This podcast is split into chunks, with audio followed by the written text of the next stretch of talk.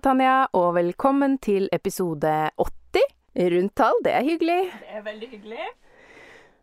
Vi begynner å bli en gammel dame. Podden begynner å bli en gammel dame. Ja, og hva passer vel bedre enn å snakke om eh, treningstøy da? Helt perfekt. Midt i blinken. OK, hva er ditt forhold til treningstøy, Mari? Veldig eh, Litt lite avslappa, vil jeg vel ah, ja. kanskje si. Motsatt av hva det Altså, eller, eller nei. Eh, avslappa i den form av at treningstøy er noe jeg syns er veldig deilig å ha på for å Ja, slenge rundt hjemme. nettopp. Jeg Ikke nødvendigvis til å svette i og sånn. Nei. Nei. Eh, og det handler jo kanskje litt om at jeg egentlig alltid har syntes at det var kjedelig å trene. Mm. Men dans og yoga, det er greit. Ja. Har jeg jo heldigvis funnet ut. Ja. Hva med da- deg? Ja. jeg skjønner. Men jeg løper Eh, ikke rundt, for å si det sånn, gatelangs. Altså, mitt forhold til treningstøy og trening, da, er jo veldig eh, Hva skal man si Jeg føler jeg har levd et helt liv. Og blitt ferdig med det livet, liksom. Og eh, har funnet et nytt liv jeg skal leve. Nei da.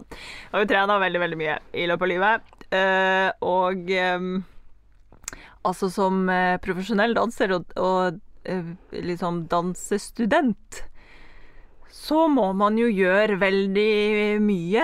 Det er jo som å være toppidrettsutøver. Så jeg har jo hatt spenstprogram, kondisjonsprogram, bevegelighetsprogram Altså sånn alt mulig rart, da. Så det var jo opp før man skulle dra på universitetet og trene hele dagen. Så var det opp for å ta liksom en runde på mølla.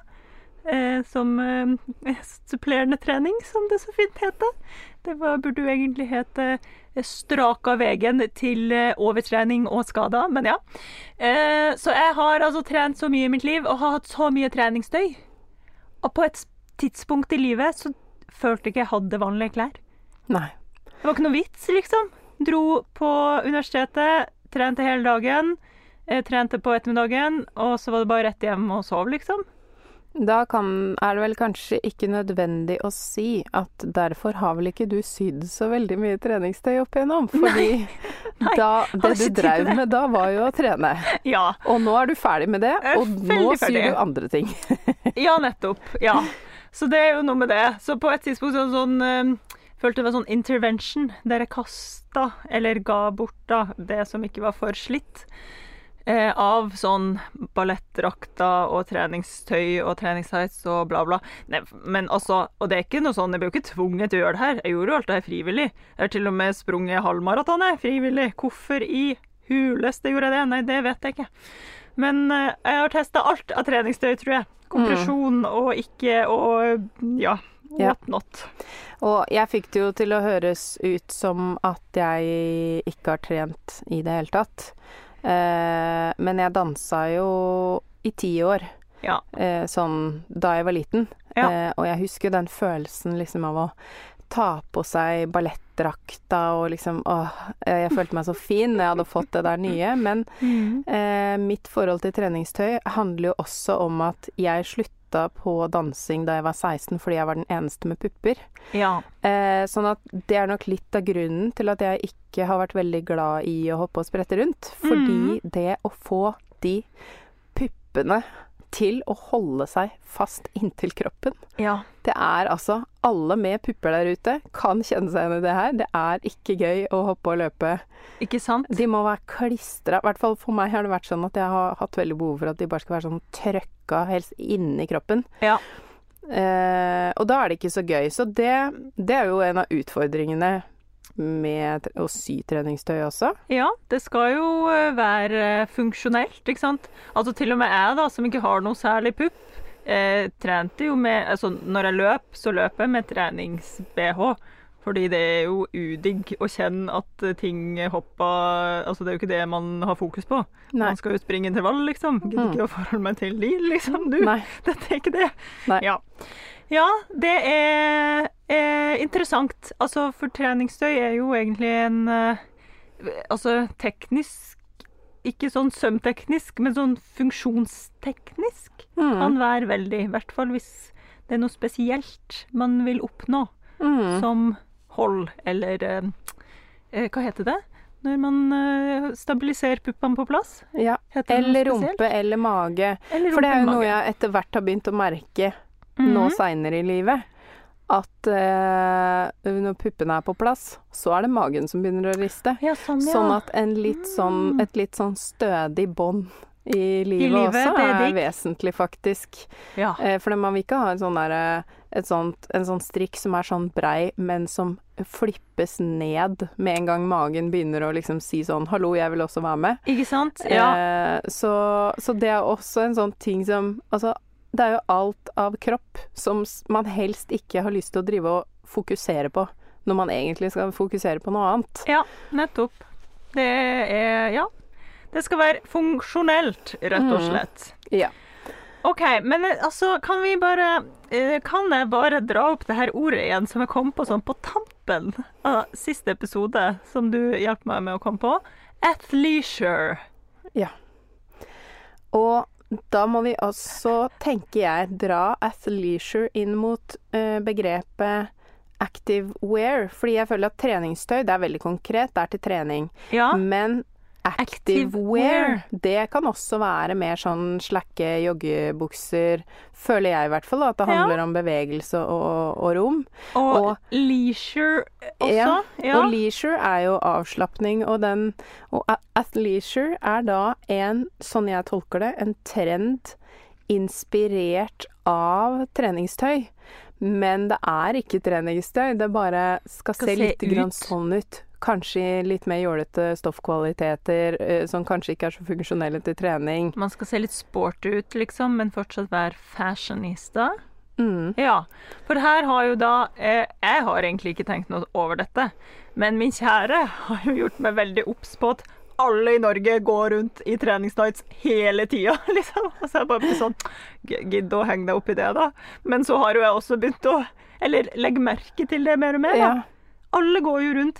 Og det gjorde eh, kanskje det ikke er så veldig mye mer nå lenger, men jeg husker da det var sånn hipt med den der kompresjonstights-merket som hadde sånn X2XU, eller hva det heter, jeg husker ikke. X2UUU, det var i hvert fall en X inni Ja. der, og et Det er først nå når du sier det, at jeg blir klar over at ja, jeg har jo sett noe, en sånn X. Ja, Så det den var var jo det, da, overalt. Ja. Alle gikk rundt med Ja. disse, uansett om de skulle på middag, eller om Mm. de skulle trene, eller hva. Og Tanja anno eh, meg opp til maraton, Mm. kunne finne på å hisse seg oppover det her, da. For hva i svarte er det som vitsen med å dra på seg den tightsen som komprimerer he altså hele legglengden når du bare skal ut og kjøpe deg en cola? Ja. Jeg er såpass bedagelig anlagt at de tightsene som jeg bruker både til trening og til avslapning, Ja. det er jo bomullstights. Ja. Fordi jeg vil jo gjerne ha litt komfort. Ja. Og hvis man eh, Altså, noen her vet jo, jeg tror jeg har nevnt det før, at en av de danseformene som jeg Det var min inngang til å begynne med dansing igjen, var jo at jeg gikk på noen sånne twerkekurs. Ja. Og da er det jo et poeng at den fluffen ja? Den skal få ristes skal rundt. Ja. Og det konseptet har jeg tatt videre med meg, fordi jeg liker egentlig litt det konseptet at dette er det jeg har. Jeg tar det med meg på dans. Show eh, the world what your mama gave you, rett og slett. Ja, det er ja. veldig bra. Mm. Og selv om magen trenger jo ikke å drive og flappe rundt, eh, og puppene trenger ikke å flakse de heller, men liksom det der å Altså, kompresjon er jo det er jo ikke så deilig. Man føler at man mister litt av eh, blodsirkulasjonen. I hvert fall jeg som har litt, litt eh, lavt blodtrykk. Ja, nei, for det kan faktisk hjelpe deg med litt lavt eh, blodtrykk, eh, sånn at ikke alt blodet samles eh, ned i kroppen. hvis du skjønner. Det hjelper ja, egentlig med ja. sirkulasjon. Men når man sitter mye med disse Ja, tightsene, da, som jeg gjør, Det det som da var sovner de jo. Ja, det er det som var frustrasjonen min. Ja. Hvorfor skal du ha det på deg hvis du ikke trener? Det er jo da det har en effekt. Ja, Det Ja. har egentlig en effekt etter trening òg, for det hjelper med restitusjon. Men til å gå til butikken, da følte jeg litt sånn OK, nei. Og så løper jeg sint videre i min, Ja. i min Men tights. så vil jeg også si at jeg tror dette er et byfenomen. Fordi denne Kanskje. eh, Det har jeg sett i byen. Ja. Ikke sett det på Eidsvoll. Nei. Nei. Nei, det kan Så godt være. Det, men det er, bare, det er de to stedene jeg kan uh, liksom lage statistikk ut av. Ja. Hvilke andre byer som om det, Ja. om det er en annen bygd hvor alle går rundt i tights, det vet jeg ikke. Nei, sant. Ja. Men det som er altså, med meg nå, da Jeg trener jo ikke lenger. Det har jeg jo sagt mange ganger, at nå er jeg ferdig med å trene. Jeg kommer sikkert til å angre bittert på at jeg har gitt opp uh, den aktiviteten. Den tid, den sorg. Så det eneste Hvis jeg syr meg en eh, tights eller eh, noe athleisure-aktig, så er det for å sitte i sofakroken hjemme. Mm. Og da skal det ikke være kompresjon, ass. Nei, Nei. men uh, vi skal gå litt mer inn på disse tightsene senere, for vi Ja. har faktisk sydd oss tights, Det har vi. Uh, og det er veldig gøy. Men du Tanja, Ja. nå hadde vi en veldig lang innledning til denne episoden, Ja. viste det seg. Ja. Men vi eh, tenkte jo faktisk at i denne episoden så er jo ukas sponsor, har vi valgt å si, det er oss. Ja. Ukas sponsor, Tanja og Mari. Og hvorfor det? Jo, fordi vi begge har bedrifter, og fordi vi vil vende oss selv og dere til tanken på at vi må faktisk ha sponsinnhold for å kunne drive denne podden videre. Så derfor så skal vi nå ha en kort liten eh, introduksjon av ukas sponsor. Så da kan vi jo starte med å snakke om sømrom. Ja, sømrom er jo min business eh, som driver hver dag. Eh, hva skal man si, da? Gå inn på eh, soemrom.com, så finner dere veldig mye info. Der har vi en digital medlemsplattform. Jeg har begynt med kurs eh, igjen, og det blir mer og mer. Det er gøy. Em, ja, så holder jeg jo til fysisk i Tøygata i Oslo, så det er alltid lov å stikke innom. Ikke alltid, for jeg har veldig begrensa åpningstider, så sjekk de ut. Eh, ja, og så ses vi jo egentlig aller mest på Instagram, tror jeg. Der heter det bare Sømrom. Og da vil jo jeg bare trekke fram at i den butikken til Tanja, så er det jo masse syfaglig snacks. Ja. Og flere ting som jeg har tenkt til å skaffe meg, blant annet noen sylskarpe knappenåler Ja, av beste ja, type, i en nusselig liten boks med sømromlogo på. Ja. Den, det var ganske hardt å få eh, inn den, fordi jeg har jo litt sånn eh, eksem for merch. Men det må jeg bare innse at eh, det er jo litt artig også. Det er Ja. jo litt artig også. litt artig. Og diverse uh, nåler til håndsøm, linjaler Altså Ja. Jeg tar jo bare inn ting som jeg liker sjøl, hvis du Mm. skjønner. Ja. Og hvis jeg tar inn ting som jeg ikke liker, så orker jeg ikke å selge de. Nei. Så det er kun det som kommer gjennom nåløyet mitt, som får uh, bli med i den butikken. Og nettbutikken. Ja. Ærlig salg varer lengst. Det tenker jeg også. Ja. Orker ikke å være frynsete over at 'å nei, dette er ikke bra nok', men ja ja, kanskje noen vil kjøpe det likevel. Nei. Nei. Nei. Nei. Det er eh, full topp kvalitet. Topp kvalitet, Mm. skal man si. Ja. Ja, og sponsor, eh, medsponsor er da Melilott, eller Mari Melilott, som er Ja. dama bak. Ja. Kanskje litt begge. Kanskje litt Ja. Ja. ja. Nei, det er jo melilott.no som er min Der finner man jo det meste. Mhm. Eh, og der har jeg jo symønstre. Jeg har begynt så vidt med kurs igjen. Jeg skal snart holde mitt første sykurs på et år. Altså, jeg har jo holdt sykurs for barn, men det er jo ikke helt det samme. Ehm, så det blir veldig spennende. Og der har jeg jo symønstre til litt til barn, mye til dame, litt til herre, Mhm. litt småtteri. Og bøkene mine, da. Eh, plagg som passer perfekt finner du jo på nettsiden min hvis du vil ha med signatur. Eller så fins jo også den i diverse bokhandler. Ja. Så har du, finner du den i din lokale butikk, så syns jeg også det er veldig fint hvis man støtter de små lokale butikkene. Jeg får også penger da, hvis man skal Ja. si det rett ut. Um, og de andre bøkene mine har jeg jo også i butikk. Eh, og visste du, Tanja, at Alle kan sy, min forrige bok, har faktisk kommet til nytt opplag med en annen forside? Men Anna forside? Ja. Nei, dette har jeg ikke fått med meg. Jeg har ikke sett den selv ennå. What? Hva er den nye forsiden? Vet du hva det er? Det er bilde av meg. OK. Ja. Og jeg ble, så det var bare en beslutning som ble tatt uten meg. Så jeg var sånn OK. Ja ja, hei, eh, hei nytt omslag. men, men så da, til de som har uh, savna den, så er den altså i, uh, i salg, men i ny eh, Hva skal jeg si Nye- bekledning. Ja, nye fåreklær, holdt jeg på å si. Det ble feil. Ja. ja.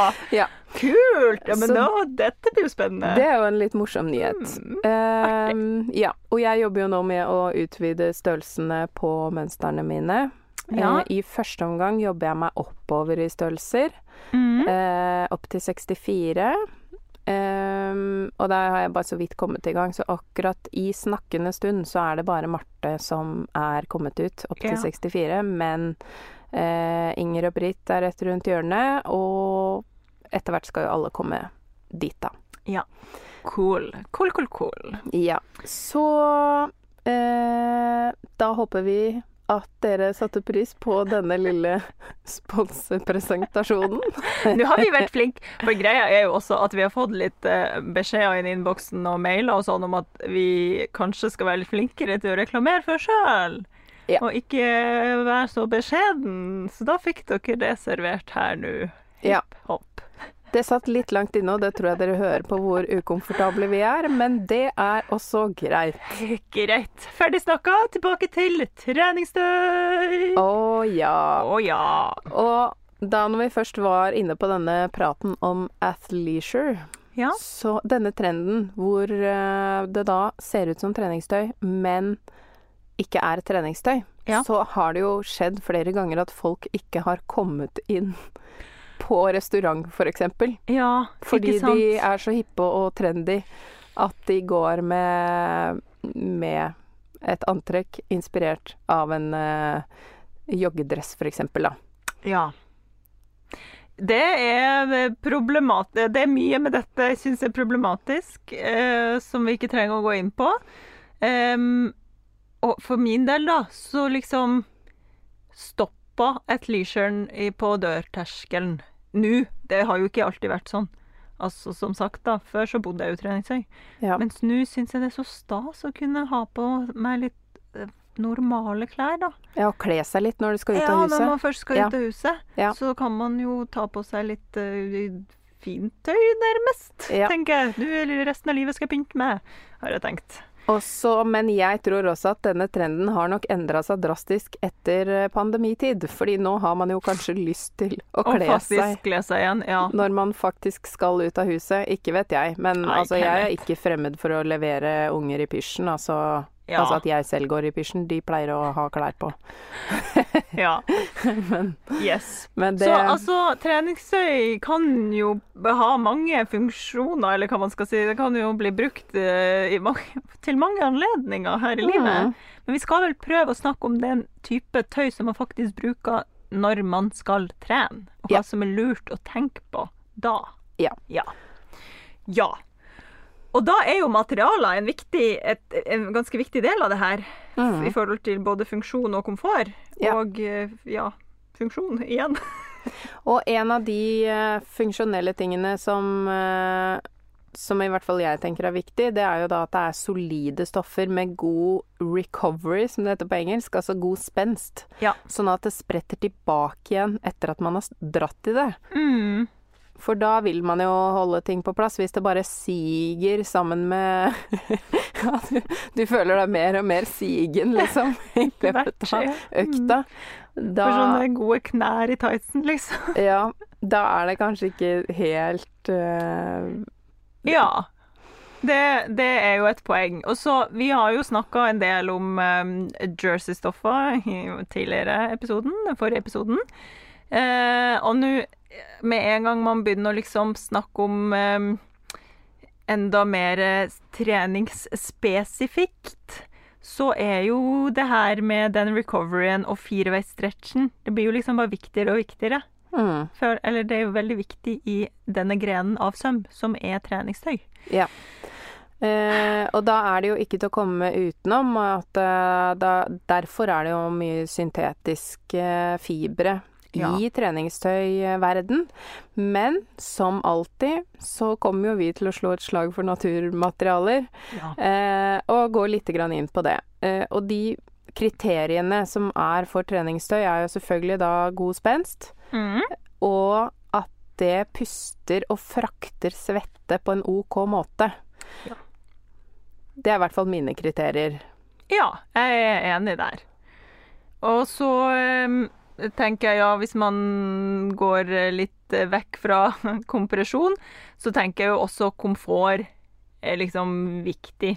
Ja. At man ikke har masse sømmer som gnager når man springer en time. Det er jo litt hyggelig, på en måte. Ja. Ja. Det er en vesentlig detalj. Eh, og hvis man vet at man sliter med litt sånn eh, chub rub, altså at låra gnukker mot hverandre, kanskje man har lyst på et parti uten søm akkurat der. Ja. Eh, kanskje man til og med vil ha en liten forsterkning, sånn at ikke det blir det derre tynne stoffet. Altså stoffet må jo da tåle det, Mm. uten at det blir noe uh, ekstra. Det kan jo bli svakt og hullete. Ja. Og den er en Jeg husker dere vi pratet om interlock-søm i eh, den intro til overlock-episoden. Det er jo den flateste sømmen. Men så har man jo den flatlokken, som er en slags sånn juksevariant. Men så opplever jeg òg at hvis man bare plasserer sømmen, den innebensømmen f.eks., på riktig sted, så gjør det ganske mye. At den Mm. ikke liksom er midt i, midt i heimen, Mm. men lenger frem, sånn som det skal være i buksekonstruksjon og tightskonstruksjon. Så er det akkurat som at man uh, unngår det stedet der det gnisser mest, når man Ja. springer, i hvert fall. Ja, det punktet der på en måte låra går Møtes. mest mot hverandre. Ja. Ikke legg sømmen der. Det Nei. er uh, ikke behagelig. Og, og er det et stort område, så kan man jo også endre litt på mønsteret, så man får på en måte en slags kile på innsiden av beinet Mm. som går fra ankelen oppover i skrittet og ned, ned. på andre siden. Det fins mønstre som har eh, litt sånn den typen utseende. Det er flere uten eh, Ja, med skrittsøm, men uten eh, selve innebensømmen, for Ja. Ja. Det er Å ja, det fins mye der. ja. Eh, kult! Altså, recovery, ja, eller spenst, de skal puste, og de skal frakte svette greit. Og da, det er det her med svette, du. Mm. Svette og lukt, liksom. Ja. For vi svetter jo når vi trener. Mm. Og det er jo rart med det at man da Eller det er jo ikke rart med det, men det er litt irriterende at funksjon til syntetfiber er den beste funksjonen sånn sett da, til eh, veldig teknisk tøy. Men så er det jo også det som holder mest på den svettelukta. Ja, for det alle som har hatt et syntetisk plagg Mm. som har fått svettelukt, kan skrive under på at det, altså, det stinker noe så grundig. Ja. Eh, og der er jo jeg stor fan av naturmaterialer til trening. Ja. Eh, og jeg vet ikke hvor mange ganger jeg kan gå en skitur i en ulltrøye uten at det lukter, for Ikke sant? Ja. Eh, det er jo verdt å ta med seg, selv om mange syns at det er uvant å tenke på at man kan bruke ull til treningstøy. Eh, da vil jeg trekke fram at uh, f.eks. Raffa, som er et sånn sykkelmerke, sånn det hippeste sykkelmerket, ja. har jeg inntrykk av. Eh, og de har sånne trøyer som ser kjempesporty ut, men de er ull og silke, f.eks. Det er Ja. mange forskjellige typer, men, eh, men den litt tynne, kjølige ulljerseyen fungerer kjempegodt til trening. Ja. Og går man for da en sånn eh, et interlock-stoff, altså et sånt dob, dobbeltstrikka stoff, Mm. så er det også veldig solid og fast. Ikke sant? Så man kan faktisk eh, lage en kompresjonstights hvis man vil. Man kan faktisk det. Og planen min til denne episoden var faktisk å lage det, ja, men det har jeg ikke gjort ennå. Jeg kommer tilbake til det. OK. kult. Ja, tiden må også spille på lag. Yes. Eh, ja. Vi, ja, ingen hemmelighet at vi er glad i eh, naturstoffer, og oppfordrer jo da folk til å bruke naturfiber også i treningsøyet. Men det er noen ting, som eksempel hvis man skal ha en sånn power mesh i Ja. BH-en, og sånne type ting. Der må man nok lete litt mer for å finne gode alternativer, føler jeg, i naturfiberverden. Mm. Men det er jo mulig der òg, da. Man må, kanskje, man må kanskje krongle og krangle litt mer og teste mye for å sjekke funksjonen. Eh, og da må jeg jo ærlig si at jeg som ikke har noe pupp eh, jeg, Altså, jeg danser aldri med bh, liksom, for det var ikke behov. Eneste gangen jeg brukte sånn eh, sports-bh, det var når jeg løp, fordi da blir det veldig mye og veldig repeterende, liksom dunk, dunk, mm. dunk, dunk. Litt irriterende. Men ikke fordi det eh, Det var mest bare fordi jeg ble så opphengt i å kjenne på det, fremfor å bare løpe. Så jeg har ikke så mye erfaring med BH, sports-BH, Mari. Men Nei. det har du. Ja, og da kan jeg også si at jeg uh, sydde jo en test, for det var det jeg prioriterte i stedet for denne ulltightsen. Ja. Det var å sy en test av et uh, mønster som jeg syns var skikkelig fint. Det hadde en veldig kul rygg med masse sånne ting på kryss og tvers. Mhm. Uh, og det mønsteret heter uh, crop top av So Swimmingly. Ja. Så det er litt sånn svømmetøy og litt sporty tøy som det merket har, da. Jeg fant det på? Etsy. Eh, og den, hvis man har litt mindre pupp å holde styr på, så Ja. er nok den veldig fin både som treningstopp, kanskje, hvis man ikke hopper så mye opp og ned. Mhm. Eller løper veldig, da. Mhm. eh, men også som en treningstopp. Bare som en sånn Ja. kul topp. Ja. Så er den eh, veldig fin. Eh, jeg på en måte fiksa litt og triksa og satte inn en strikk eh, ekstra under den eh, delinga Mhm. eh, Ja, for det er, på en måte noen sånne kopper som er sydd i. Det er bare at de koppene gjorde ikke nok for meg, da. Men da satte jeg inn en strikk under, og faktisk så testa jeg også å bytte ut meshen med en ganske sånn sterk bomullsjersey. Ja. Jeg sydde hele greia i bomullsjersey, og alt funka kjempebra. Det er bare det at jeg har utrolig strenge krav til uh, sports-BH. Ja. Og som en som kan konstruere mønster, så klarer jo ikke jeg å la være å tenke at denne hadde vært enda bedre hvis jeg bare hadde gjort sånn og sånn og sånn og sånn. Og så begynte jeg å innse at ja, det her blir faktisk ikke det samme mønsteret i det hele tatt, så det er ikke noe vits i at jeg begynner å snakke om Altså, jeg måtte stoppe meg sjøl der før jeg sydde en ny. ja, ikke sant? Fordi nå skulle jeg jo snakke om dette mønsteret, og så det fikk jeg testa. Det fins jo mange, mange forskjellige kule treningstopper der ute. Vi har funnet noen andre mønster vi skal foreslå, men den har jeg da helt konkret testa. Min neste plan nå er å teste en bh som heter Ingrid Bra. Eh, Mm. Som da for meg ser ut til å være en sports-bh uten spiler. Ja. Men den har liksom masse sømmer, og, og den fins Altså, de jeg har funnet på Instagram på den hashtagen, er mye pupp. ja. Så her har jeg trua Her har du trua. på at jeg skal få, til en sports-BH. Kult. Altså, fordi for, for min del, husker du den, den braletten jeg Ja. sydde eh, da vi hadde BH-episode? Jeg kan jo trene i den. Det er plenty Eller det, det er liksom sånn eh, i overkant mye hold for min del. Fordi de stoffene er såpass stive, stiv, liksom. Eh, og så har jo den sånn at den ikke har noe åpning i ryggen, så den er helt sånn flat, så da kan jeg rulle på gulvet og gjøre hva jeg vil. Jeg kunne lett brukt den som liksom en eh, dans, dansetopp, Ja. for å si det sånn, da.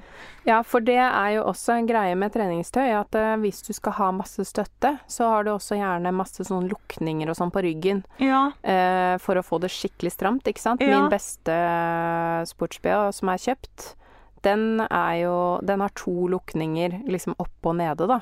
ja. Eh, men når vi på samtidsdans eh, ruller For det er Mhm. veldig mye rulling. Jeg har, jeg har jo ryggen full av blåmerker Mhm. oppå ryggraden der fordi de spennende lager blåmerker. Så, Ja, ja. så det er jo også målet mitt, at jeg skal finne noe uten noe lukning på ryggen. Så jeg kan klare å, å rulle så mye jeg vil, da.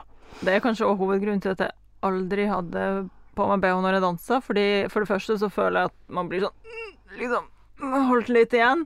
Men nå alt det der med rullinga og at man skal kaste seg ned og ja, gjøre mye fysisk sammen med andre også. Det blir bare i veien. Ja. Nå vet jeg ikke hvor mange av lytterne våre som faktisk danser. Det er jo litt komisk det- at vi har det til felles.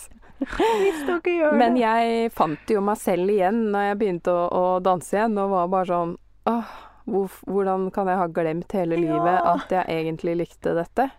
Eh, men det var jo hele det derre stigma rundt dansetøy og pupp Ja. som ble bare for mye for meg, som gjorde at jeg slutta Ja.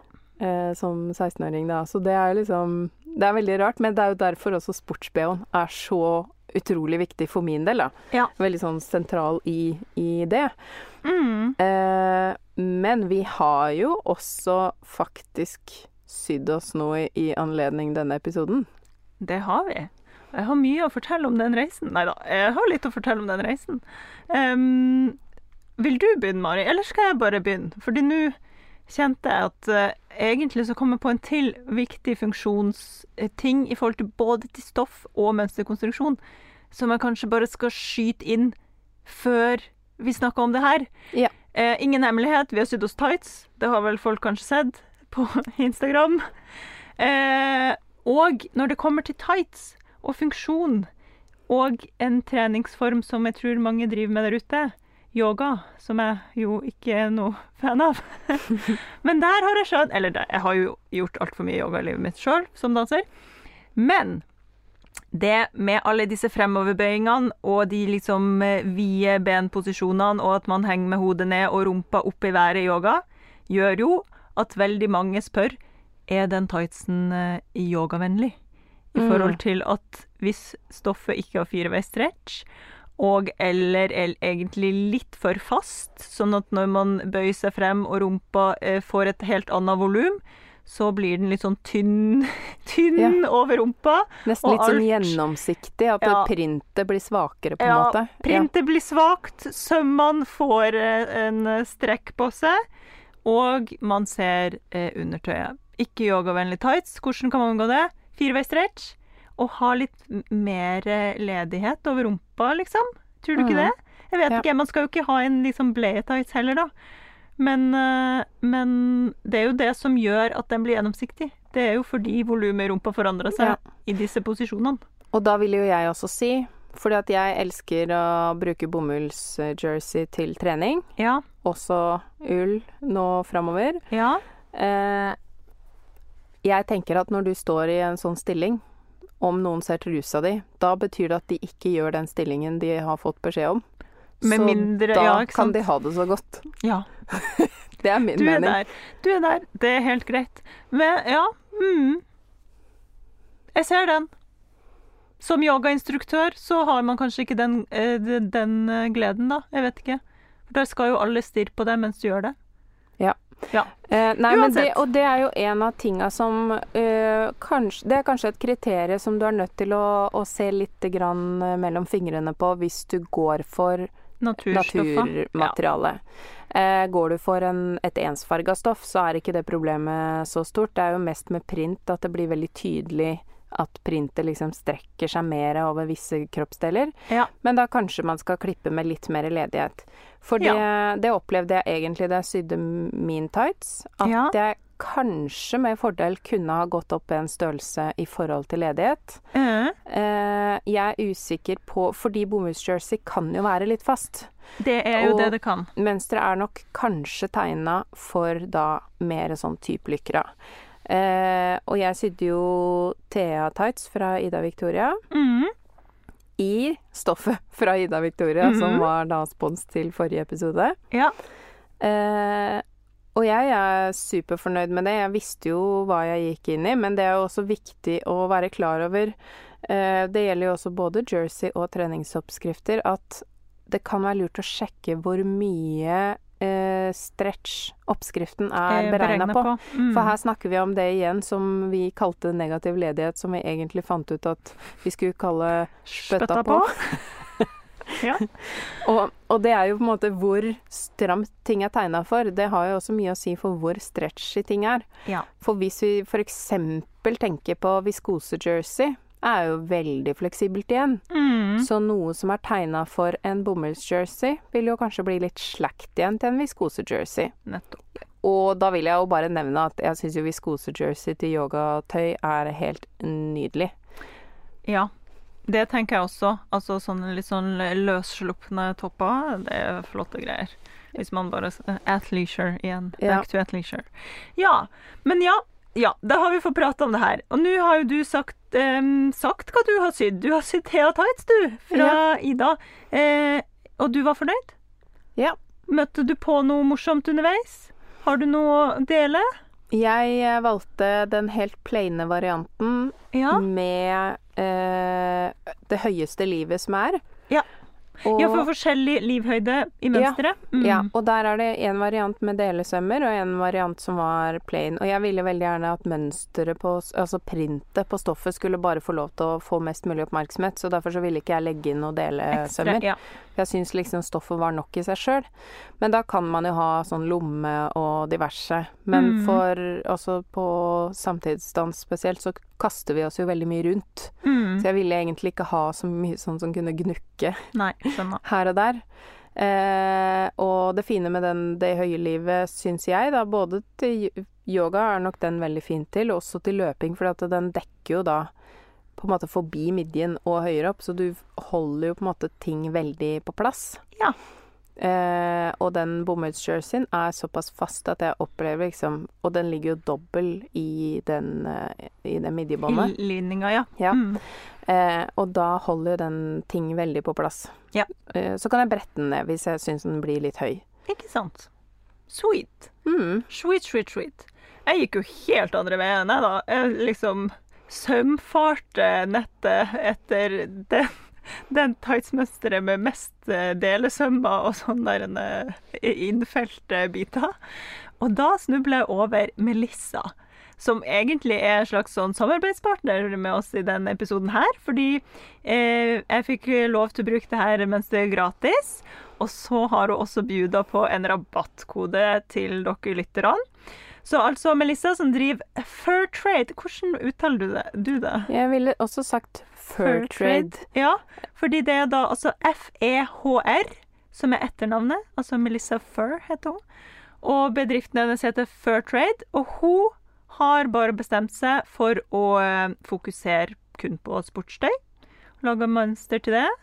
Og hele dama virka så utrolig søt og sjarmerende. Bor altså i en båt på Themsen i London og lager mønstrene derfra. Har, hva hadde hun skrevet eh, på nettsida? Det er en sånn liten sånn om hun. Men nå skrev jeg at hun har sprunget åtte fullmaraton. Det kan jeg ikke skjønne at noen gjør, men det er greit. Så hun vet jo hva treningstøy burde eh, Hvordan det skal fungere for å fungere bra. Så da når jeg snubla over henne, fikk overtenning, fant det her mønsteret på PB Jam Leggings. Litt usikker på hvor det navnet kommer fra. Altså PB, Peanut Butter Jam Leggings. Et eller annet. Noe med det. Veldig kult. Falt for det. Hipp hurra, har sydd det. Og det er jo da selvfølgelig et PDF-mønster. Og alle som har hørt på podden, vet jo hva jeg syns om PDF, eller å tape sammen PDF-mønster. Ikke my favorite uh, uh, at leisure. Men er alt man gjør for podden. Teipa det sammen, eh, begynte å sy. Eh, det gikk kjempefint. Eh, men som du sa, jeg har jo også sydd i stoffet fra Ida. Som er en litt sånn fast bomullsjersey, som du sa. Og da tenkte jeg mm, Melissa sitt mønster, det var beregna på fire way stretch. Liksom spandex, lytkra, whatnot. Og da tenkte jeg det her kommer aldri til å eh, fungere. Så jeg har forlenga i alle steder der man kunne forlenge inn i mønsteret, da, der hun hadde putta inn sånn forlengingslinja. Og det var jo både legg, lår og i eh, hofta, altså eh, rundt bekkenet. Så forlenger jeg tre Jeg forlenga tre centimeter oppi bekkenet. Og så forlenger jeg fire centimeter både på lår og på legg. Oi, oi, oi. For å ta inn for at eh, det kom til å bli liksom strukket her. Og fordi jeg har lange knokler og sånn, da. Det funka fett. Den ble ganske trang i leggene.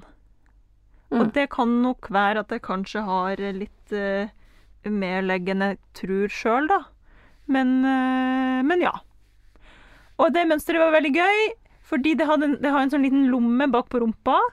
Inni, liksom på innsida på vranga. Innimellom panelene. Så man kan ha eh, ting og tang der. Eh, strikk øverst. Det er jo ikke alle som liker det. Jeg tror nok at jeg foretrekker sånn felt, sånn som Thea Tyson har. At man liksom syr i samme stoffet, Mm. egentlig.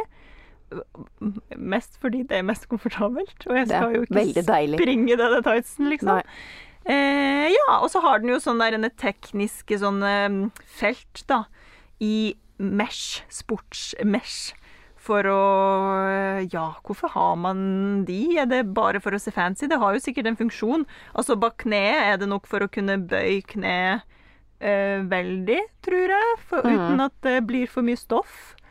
Eh, mens ellers på låra tror det er mest fancy-schmancy. jeg. Det er jo litt sånn det? til dekor, men det kan hende det vil gi bitte litt ekstra ledighet hvis det stoffet er veldig fleksibelt, at man da får litt Ja. mer plass til låra. Kanskje. Ja. Ja, så det var gøy. Eh, jeg vil si at jeg anbefaler det mønsteret. Jeg syns det var moro. La opp med Altså, strikken sydde jeg på med sikksakk. Og bretta ned og festa med sikksakk fordi min coverstitch var ikke så glad i å sy gjennom sånn tjukk strikk. No. Mens nederst la jeg opp med coverstitch. Mm. Funka fett. Funka krutt. Ja. ja. Nydelig. Ja, nydelig. Og sa jeg denne rabattkoden fra Melissa? Det tror jeg Nei. søren meg ikke jeg sa, da. Det har du ikke sagt. Altså, gå inn på shop.fairtrade.com, som er da F-E-H-R, trade, T-R-A-D, E. Og der kan dere få 10% rabatt på alle hennes PDF-mønster. Eh, hvis dere bruker koden SOMMELI ved utsjekk ut måneden, ut november. Ja. Ja. Fantastisk. Ja.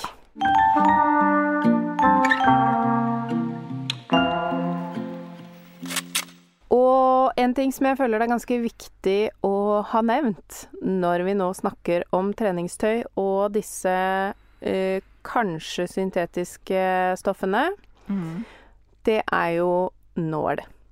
Ja. Fordi eh, til en del av de stoffene her som kan være ganske sånn tettstrikka, så kan det være lurt å gå for en mikrotex-nål. For den eh, eh, Altså, det vil man fort se hvis man syr med en annen nål, at kanskje man får hoppesting, eller at den skjærer små hull i stoffet. Det er ikke sikkert man ser det med en gang, kanskje man ser det etter hvert. hvert. Eh, Men den mikrotex-nåla er laget spesielt for sånne type tekniske, veldig sånn tette stoffer. Ja. Vi blir jo aldri ferdig med å snakke om nål, men, men ja. Mm. Så det var godt å få nevnt her igjen. Og Mari, jeg tror vi har snakka om det her før. Har du sett at det er kommet sånn vanlig sytråd med stretch? Jeg har faktisk ikke sett det fysisk i butikk, men jeg har hørt ryktene. Ja, og da har, det har jeg også. Og jeg har tenkt at dette må jo testes. For hvis man plutselig kan sy stretch-ting sammen med vanlig rettsøm Det hadde jo vært revolusjonerende, spør du meg. Ja. Ja, så det, men det bare kommer på nå når vi prata om, eh, om nål, og jeg tenkte på tråd med en gang. Så kanskje en vakker dag kan vi ha en liten review av stretch-tråd. Ja. Trådfolk, eh, trådprodusent, send oss eh, en sånn i posten. Send you. oss litt tråd, takk. Fint det. Nydelig. Cool. Um, men du, uh, hun Melissa har jo også skrevet, faktisk, en Ja. bok. ja. Og det tenker jo jeg at er en ganske fin innspo også å ta fram til dagens Mhm. episode. Uh, så hun har uh, skrevet en bok som heter Sew Your Own Active Wear. Yes. Det er da Melissa Furr Melissa F-E-H-R. Ja. Eh, og sånn jeg har forstått det, så er den eh, boka lagt opp sånn at det er liksom forskjellige baser ja. til treningstøy. Også litt sånn forskjellige måter man kan bruke de basene, sånn at det blir forskjellige typer Mm. eh, plagg. Kult. Så det kan jo være en kjempefin sånn intro hvis man vil snuse litt på treningstøy, men ikke vet hvor man skal starte. Kanskje Ja. den boka er riktig sted. Ja.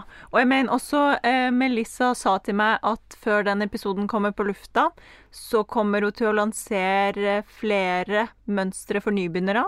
Et Sportstøymønster for nybegynnere på sida si.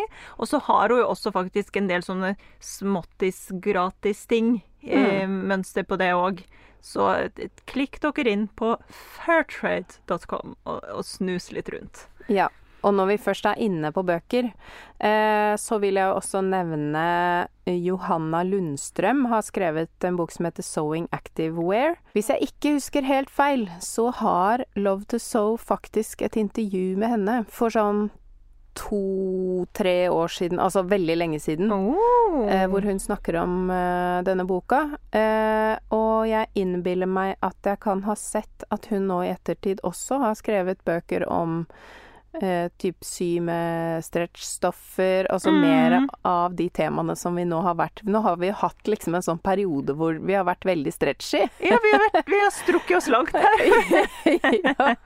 Ja, ja, ja. ja. Kult. Eh, og, og den eh, ser jo på en måte for meg ut som en bokserie, da, som hun Ja. har eh, rundt de temaene her. Så det kan være en sånn fin innspo Cool. eh, for denne uka. Ja, gøy. Gøy, gøy, gøy. Og til dere som vil ha enda litt mer innspo på hvor man kan finne mønster til treningstøy Altså, ja, vi vet jo alle at Instagram er, er tingen. Søk der. Er det noe sånn so, so active wear, sikkert en eller annen hashtag eller noe sånt? Eh, og et annet litt mer konkret tips fra oss er et eh, nettsted som heter Jaylee. Eller Jelly, eller hva man skal si. J-A-L-I-E. Det er en mønsterprodusent. Mm. Fransk mønsterprodusent. Som spesialiserer seg på treningstøy, de også. De har ganske mange mønstre. Og Ja. eh, en hel side med masse sånn som bare heter sport patterns. Ikke sant? Så de har andre mønstre òg. Ja, og Mm. badetøy, og der, eh, der syns jeg det var Mm. masse snacks. Så det er absolutt eh, verdt å sjekke ut hvis man Cool. eh, vil hoppe i det med en gang og ikke har tid til å vente Ja. på en bok i posten. Nettopp. Um, og da vil jeg også nevne at Muna and Broad har også noen uh, mønstre for uh, Det er jo for litt større størrelser. Mm. Uh, og der er det en topp som nok kanskje kan brukes til treningstopp hvis man syr den i rett stoff. Ja. Jeg ser i hvert fall at det på en måte er litt det den eh, presenteres som. Mm. Eh, og også De har ikke treningstights, men, eh, men bukser med strikk hvis man vil ha litt mer den joggebuksetypen å Ja. å trimme i, da. At leisure. Eller henge rundt i. Yes. Så kult! Har vi nå ukas feil? Ja, altså Jeg vet ikke hvor mange ganger jeg på en måte har prøvd meg på å sy noe sånn i sports-BH-lignende sjangeren. Ja. Eh, så jeg- jeg tror jo at ukas feil for min del blir jo veldig konkret eh, der hvor jeg prøvde meg på denne sports-BH-en som ikke ble en sports-BH. Mm. Eh, og det feilen kan nok kanskje skyldes at jeg også prøvde å gradere mellom to størrelser. Jeg kjørte rett og slett medium på bakstykket og large på forstykket. På koppene bare, da. Og, og det ble ikke så veldig pent i siden der, fordi at det mm, Der er det masse sånne kryssende linjer og sånn. Vi skal legge ut link til dette mønsteret på Patrion-siden vår. Ja. Eh, at der hvor jeg trengte støtte, der var det ikke noe del. Der var det glipp. Der var det en glipp. Og jeg er ikke helt sikker på om det er mønsteret eller om det er meg. Men det ble mye klabb og babb, og jeg var litt sånn Her, denne dekker ikke nok pupp. Så bare øh, klinte jeg på med en strikk her og der i litt sånn kjent BH-sømstil, og det Ja. funka jo greit. Men øh, Men ikke optimalt. var vel-. Feilen var vel rett og slett at jeg da ikke har målt om mønsterdelene egentlig passa sammen etter denne litt sånn gradering mellom størrelser-operasjonen min, Skjønner. eller ikke. Så det er vel bare en sånn liten huskeregel for folk også. Når du, Mm. fordi at jeg bruker jo egentlig ikke andres mønstre i noe særlig grad. Nei.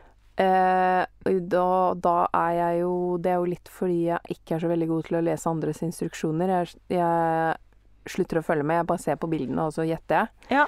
Eh, sånn at jeg måtte jo montere den et par ganger. Jeg klipte vel ut den der lille biten nederst i midten og, og putta den inn igjen. To ganger. Jeg gadd ikke å sprette engang, for jeg tenkte sånn Ja, ja, ja. Dette er en test. Ja. Ja. Dette er stretchy. Her mister jeg en centimeter. Samme det. ja. Og så bare klippet jeg og satte den inn på nytt. Så jeg gjorde jo masse rare slurvefeil med den toppen. Eh, men jeg lærte også masse. Men det, min, eh, min store lærepenge er vel liksom kanskje les mønsteret eh, før du begynner. Når du følger Før du begynner begynner å improvisere, liksom. Ja. For å henge litt mer med på hva den andre personen egentlig tenkte. Ja, for Jeg, jeg tror at denne feilen med det mønsteret, det tror jeg er min feil. Sant? Ja, men da, da det er god eh, lekse lært og feil notert. Eh, min feil er akkurat samme banen. Men da eh, på en måte akkurat samme, på en måte veldig motsatt. Fordi sånn som du sa at du gadd ikke å sjekke om, eh, om sømlinjen stemte over. Eh, det gadd selvfølgelig jeg. Og skredderhøne nummer to her, hun syr jo heller aldri etter andre sine mønster. Eh, og er jo også veldig vant med at det aldri er sømrom i mønsteret. Mm. Så når jeg da liksom pertentlig målte, for det er jo ganske mye sånne kurver og buer her, så tenkte jeg sånn Nå skal jeg sjekke om dette kommer til å stemme over når jeg syr dette sammen. Eh, og ikke tenk at her er det en centimeter sømrom, og legg liksom klippelinja til klippelinja på mønsteret. Så passa det jo ikke sammen i det hele tatt. Fikk jeg sånn Herregud, hva er det her for noe slags eh, tull? Og tenkte med Og alle sånne stemhakk, det orker ikke jeg å forholde meg til. så det gadd jeg ikke tenke på. Eh, så da Og jeg sto der en stund og liksom bare Nei, her, er det, her må det være noe feil. Så jeg sendte faktisk en mail til Melissa og bare tok bilde og bare er, Hva er det jeg ikke skjønner her nå? Og hun bare det er inkludert en centimeter sømrom i dette mønsteret. Og jeg bare Å, skam! Unnskyld for jeg Unnskyld for den mailen, liksom. Sorry for at jeg brukte tida di på den idiotien her. Jeg burde jo ha skjønt det. Så alt passa jo helt perfekt. Er Bare jeg som eh, sto en god ti minutter og tenkte Hæ? Hva er det jeg misser her nå? Det her kommer aldri til å komme i hop, liksom. ja. Det, jeg kom jo også på mens du fortalte dette her, at jeg også rota bort den ene mønsterbiten. Så Ja. den bare, bare tok jeg noe og fant på noe greier. Ja. Eh, så, så, Ikke sant? og da vil jeg jo også presisere at dette er jo grunnen til at jeg tegner mønster sjøl, for da er jeg supernøye. Ja. og så når jeg skal følge andre, så å, klarer jeg ikke å følge med. Nei, ikke sant. Eh, så det eh, Vi har begge lært noe, Ja. Og eh, det, altså, da er det jo fint å vite at man kan jo alltids jukse ting til hvis man mister en uh, stropp eller et eller annet til Ja, ja, ja, absolutt. Ja, jeg tenkte sånn Å, herregud. Eh, kanskje hun er veldig opptatt, og jeg får aldri svar på denne e-posten før jeg ikke orker å vente mer og begynne, skal begynne å sy. Men hun var veldig på! Herregud, hun var så på! Fikk svar med en gang. Men da var jo tanken min at da bare klipper jeg til de bitene sånn at de passer. da hadde den Eller ja, det hadde Kanskje jeg hadde kommet på det når jeg faktisk skulle glippe i stoff, Mm. og tenkt sånn «Hæ, Wait a minute, kanskje det er inklusive svømmerom her? Men det Ja. hadde jeg jo allerede mest sannsynlig klippet til de bitene, og da Ja. hadde jeg jo hatt det livet mitt ganske mye. Så jeg er glad for at eh, jeg sendte den mailen, og Melissa svarte så fort, da. Ja. Jeg skal jo også innrømme at eh, jeg får også meldinger fra folk som er sånn Å, det mønsteret er det med eller uten sømrom, selv om det står tre steder. Så Ja. folk gjør det. Du er ikke Og- den eneste. Nei, og jeg skjønner jo Eller Hvis man syr mye etter mønster, så har man jo det kanskje som en sånn innarbeida rutine på å sjekke Sjekk det, da. Mm. Men jeg som alltid syr etter mønster uten sømrom, det er jo defaulten min. Så Ja, når det plutselig var sømrom der, så fikk jeg helt Det ble bare alt helt gresk for meg, plutselig. Jeg blir også helt eh, Det stopper opp for meg eh, når det er inkludert sømrom. Jeg klarer ikke å forholde meg til det. Ja. Så, så der er vi to. Ja. Eh, Og da må jeg innrømme en ting, Marin. Du kommer til å bli sjokkert. ja. Men siden disse delene i denne tightsen Siden den var såpass oppdelt, og var mange små deler, og mønsteret var inklusive sømrom, så skjærte jeg med rullekniv fremfor å klippe. Det var et lurt valg, Ja. men også ganske overraskende at du gjorde det. Ja.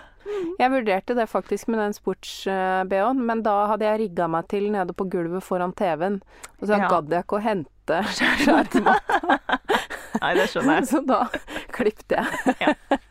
Jeg skjønner det. Mm. Så det, det er eh, når man velger peis, kos og TV-titting fremfor eh, verksted, da blir det litt sånn. Det man har for hånd der Ja, og da. rett og slett. Og da er det fjernkontroll som mønstervekt, og alt eh, bare sklir helt ut. Det er når jeg går fra jobb-Mari til fritids-Mari. Ja. Og da er det mange prinsipper som farer. Mye som får lov til å springe ut av vinduet. Ja. Em, jeg har lyst til å komme med en liten innspo, jeg, Ja. til denne episoden. Og det er rett og slett fordi veldig mye sportstøy har så mange delelinjer. Mm. Hva med ko-ko restesportstøy? Ja. Veldig enig. Og, og det er jo Det hadde nok eh, absolutt gått for hvis jeg hadde sydd mye jersey og hadde mye jersey-rester. Men det er det litt sånn eh, skralt på hos meg. Mm. Så faktisk så måtte jeg kjøpe eh, mesh, sånn sport, sportsmesh. Tenkte jeg OK, når jeg først skal sy denne tightsen, så får jeg jo teste et sånt sporty stykke tøy, da. Så da kjøpte jeg en sånn eh, sporty mesh til å putte inn. Eh, vet ikke om den har noe sånn særlig funksjon, men disse bitene er jo veldig små. Men jeg tror nok at bak kneet har den en funksjon. Her jeg sitter med liksom knærne oppi ørene. For hadde det vært den jerseyen som var så knøvra bak kneet, så hadde jeg nok kjent det mye mer. Mm. Ja. Men hadde det vært et problem? Vanskelig å si. Vanskelig. Men jeg vil også si at jeg trodde, når jeg har sett denne nå på avstand, Ja. At det der var uh, viskosejersey. Fordi jeg tenker at viskosejersey er såpass fleksibelt, Fleksibelt, at ja. det vil fungere som et mer naturlig alternativ til en syntetisk mesh, Mm, hvis man ønsker det. absolutt. For her kjører vi jo hippietreningstøystilen. Ja, ja, ja, ja, ja. Vi har begge valgt oss eh, blomstrete stoffer til tightsene våre. Og vi, vi skal jo presentere eh, den varianten. Ja. Og den, altså min tights kommer jo aldri til å bli trent i med mindre noe veldig rart skjer veldig snart og jeg begynner å trene igjen. Så jeg skal jo bare sitte og kose meg i denne. Um, men ja, viskosejersey, du. Det er veldig godt poeng. Uh, var det noe annet jeg tenkte på? Jo! Det som også måtte skje med denne meshen min, var jo at eh, jerseyen fra Ida er jo ganske sånn god, fast, eh, litt kraftig. Mm. Mens den her en, eh, meshen var jo en tynn flimse. Så jeg måtte faktisk sy med dobbel meshe. Ja. Dobbel mesh for å liksom eh, komplementere jerseyen godt. Eh, og det funka, for den var så tynn, den meshen, at mm. det gjorde ingenting. Måtte holde tunga litt sånn rett i munnen, så ikke det ble forskyvinga når jeg sydde det sammen, men eh, ja, det funka. Så bare kom jeg eh, umiddelbart på, fordi jeg tenkte sånn Ja, men det er jo litt kult med sånne litt gjennomsiktige felter. Mm. Og da begynte jeg å tenke sånn Ja, men da blir det jo brått litt politisk hvis man skal da eh, få sine hårete bein tytende ut av de gjennomsiktige mesh-feltene. Så da begynte jeg å kjenne på sånn Da må jeg virkelig stå i det valget Av, på- ja. når jeg går på Råholt senter før treninga. Og da kan jeg fortelle at jeg vurderte det Ja. eh, med denne tightsen og tenkte sånn oh, det kunne vært litt kult. Men nå snur jeg meg her, så da hører dere meg kanskje litt rart inn i mikrofonen. Fordi det feltet der går sånn rett over trusa. Ja. Så tenkte jeg Det blir ganske politisk igjen, hvis jeg Ja. skal liksom vise halve rumpa og trusa mi til folk. ja. Her eh, hver sin smak, tenker ja, jeg nå. Hver sin smak. Folk, folk må få kjenne på dette her sjøl, men det, dette var en tanke jeg har gjort meg. Ja. Eh, og når vi først er inne på viskose-jersey som eh, stoff til treningstøy, ja. eh, så har jo jeg to yogadresser. Som jeg Det var jo min uh, inngang til treningstøy i mange år, var jo at jeg brukte disse, disse dressene. Den ene er sånn eh, koko med masse sånn splæsjer i forskjellige farger Mhm. uh, som jeg elsker. Jeg tror vel det er det plagget jeg har fått flest spørsmål om hvor stoffet kommer fra ja. uh, noensinne. Og, og jeg var og handla på Stoff og Stil en gang, og da sa de sånn du har sydd den dressen, du, som alle spør om stoffet til. og det var så gøy, for jeg var bare sånn Ja, men da må dere jo produsere det igjen, da. Ja. Hvis det var For det var fra Stoff og Still, da, det, Ja. det stoffet. Det var jo egentlig en rest fra Alle kan sy, for de som Ja. tilfeldigvis skulle legge merke til at det er den ene kjolen der, så er det det. Ja. Men det er jo De to yogadressene jeg har sydd, de er jo da i viskose jersey. Ikke den mest sånn flimsete typen, men det Mhm. er eh, overraskende solid og veldig fleksibelt. Så det er jo helt nydelig å både danse og gjøre yoga i. Ja. Eh, og, den, og min bomulls-jersey eh, tights, eh, det stoffet fra Ida, det, den er blitt dansa i. ja. Eh, og det fungerte helt utmerket. Strålende. Så mm, hvis noen har lyst på en sånn heldress, jeg tror også den vil fungere også nydelig i bomullsjersey. Da vil man jo nesten få en sånn catsuit, en sånn ja, ballettdress, ja. Som er litt eh, For den holder jo ting litt på plass, faktisk, hvis Ja. man har en litt fast eh, jersey. Absolutt. Jeg har en highlight i, i Altså en sånn story highlight på Instagrammen min fra da jeg lagde den eh, dressen. Ja. Sjokkerende enkel å sy. Jeg husker da jeg sydde den, var jeg bare sånn For det, da hadde jeg ikke sydd noe særlig med sånn foldestrikk eller Eh, noe i treningssjangeren i det hele tatt. Jeg var sånn Hvorfor har jeg ikke gjort det her før? ja, En sånn dress koster jo minst eh, 500 kroner, ofte 700-800-1100. Eh, det føltes som en sånn skikkelig life hack Ja. da jeg lagde den dressen, og det er verdens deiligste chilleplagg. Ja. One piece eh, at leisure. Men så ser man ganske sporty ut når Ja. man går rundt med den. Kanskje spesielt i den ensfarga ser jeg vel kanskje litt mer sporty ut enn den der spragletypen. Vet du, den spragletypen, det- jeg vet ikke om noen tar den referansen her, men den gir meg altså flashbacks til sånn Merce Cunningham moderne dans. Eh, 90-tall, eh, sent 80, tidlig 90, mener jeg Merce Cunningham var på sitt største. Og det er altså Han brukte opp catsuiten, føler jeg. Ja. OK, ja, dette skal googles. Ja. Og hvis vi da skal komme med litt innspo til Ja. denne episoden, så har jeg lyst til å si min favorittfilm fra barndommen, mm. som jeg kunne utenat. Fortell. Fame. Fame, ja. Ja, det skjønner jeg. Det, det, det kan jeg skjønne. Der er jo også eh, den typen catsuit kanskje godt eh, brukt. Det er veldig lenge siden jeg har sett den filmen. Ja. Ja. Det var jo mitt drømmeplagg hele barndommen. Jeg var liksom ikke den som fikk alle de ballettdraktene i mange farger og Ja. heldresser og sånn.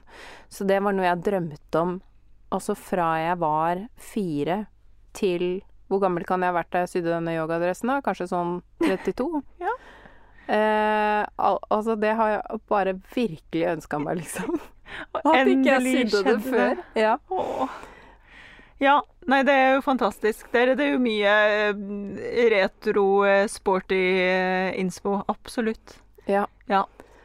Helt enig. Har jeg noe innspo på treningsstøy? Damer som ikke trener, nå skal jeg inspirere dere. Um, nei, vet du hva? Det vet jeg ikke om jeg har. Jo, jo, jo, jo. Når vi først er inne på altså, da, da må jeg tilbake til mine um, ballettdager, og egentlig også uh, andre dansedager.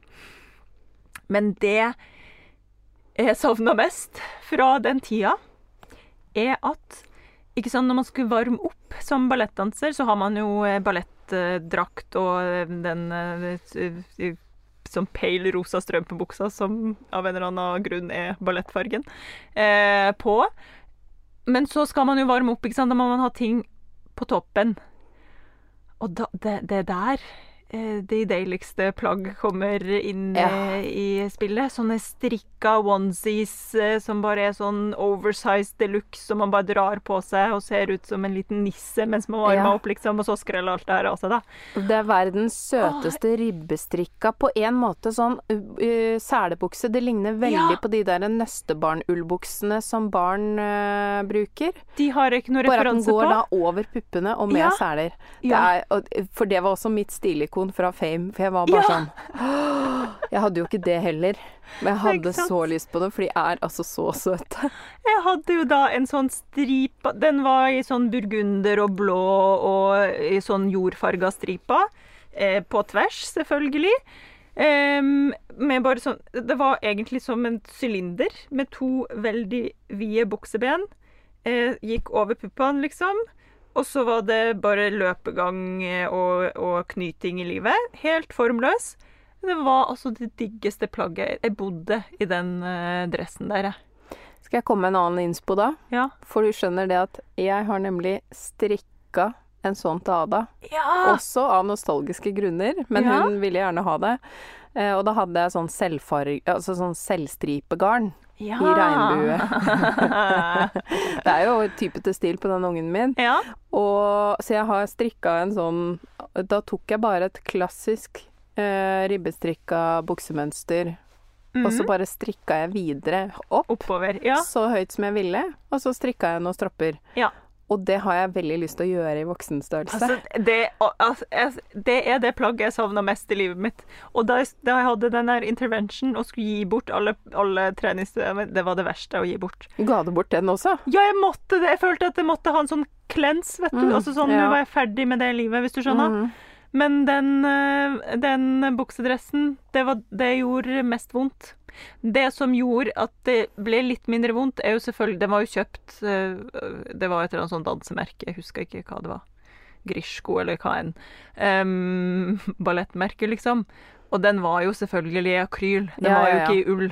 Det regna jeg nesten med at skulle være argumentasjonen. Ja, og da tenkte jeg sånn OK, hvis, hvis savnet blir for stort, så kan du lage deg en sånn i noe ordentlig materiale en dag, og så kan noen andre. Ja, sant. Ja. Ja. Norsk ull. Mm. Ja. Så da den eh, ble levert til eh, Fretex sikkert, eller kanskje ga den bort til noen som dansa, fortsatt dansa, husker jeg ikke. Eh, savnet er jo der, ja. så vi får se. Ja. Eh, og jeg tenker jo nå at hvis folk tenker sånn Å, det hadde vært kult å se sy noe treningstøy, men jeg trener jo ikke, og jeg liker det ikke i det hele tatt, men jeg vet jeg har godt av det. Ja. Så vil jeg bare tipse om noe som jeg blir altså så glad av å ha i feeden min på Instagram. Oh.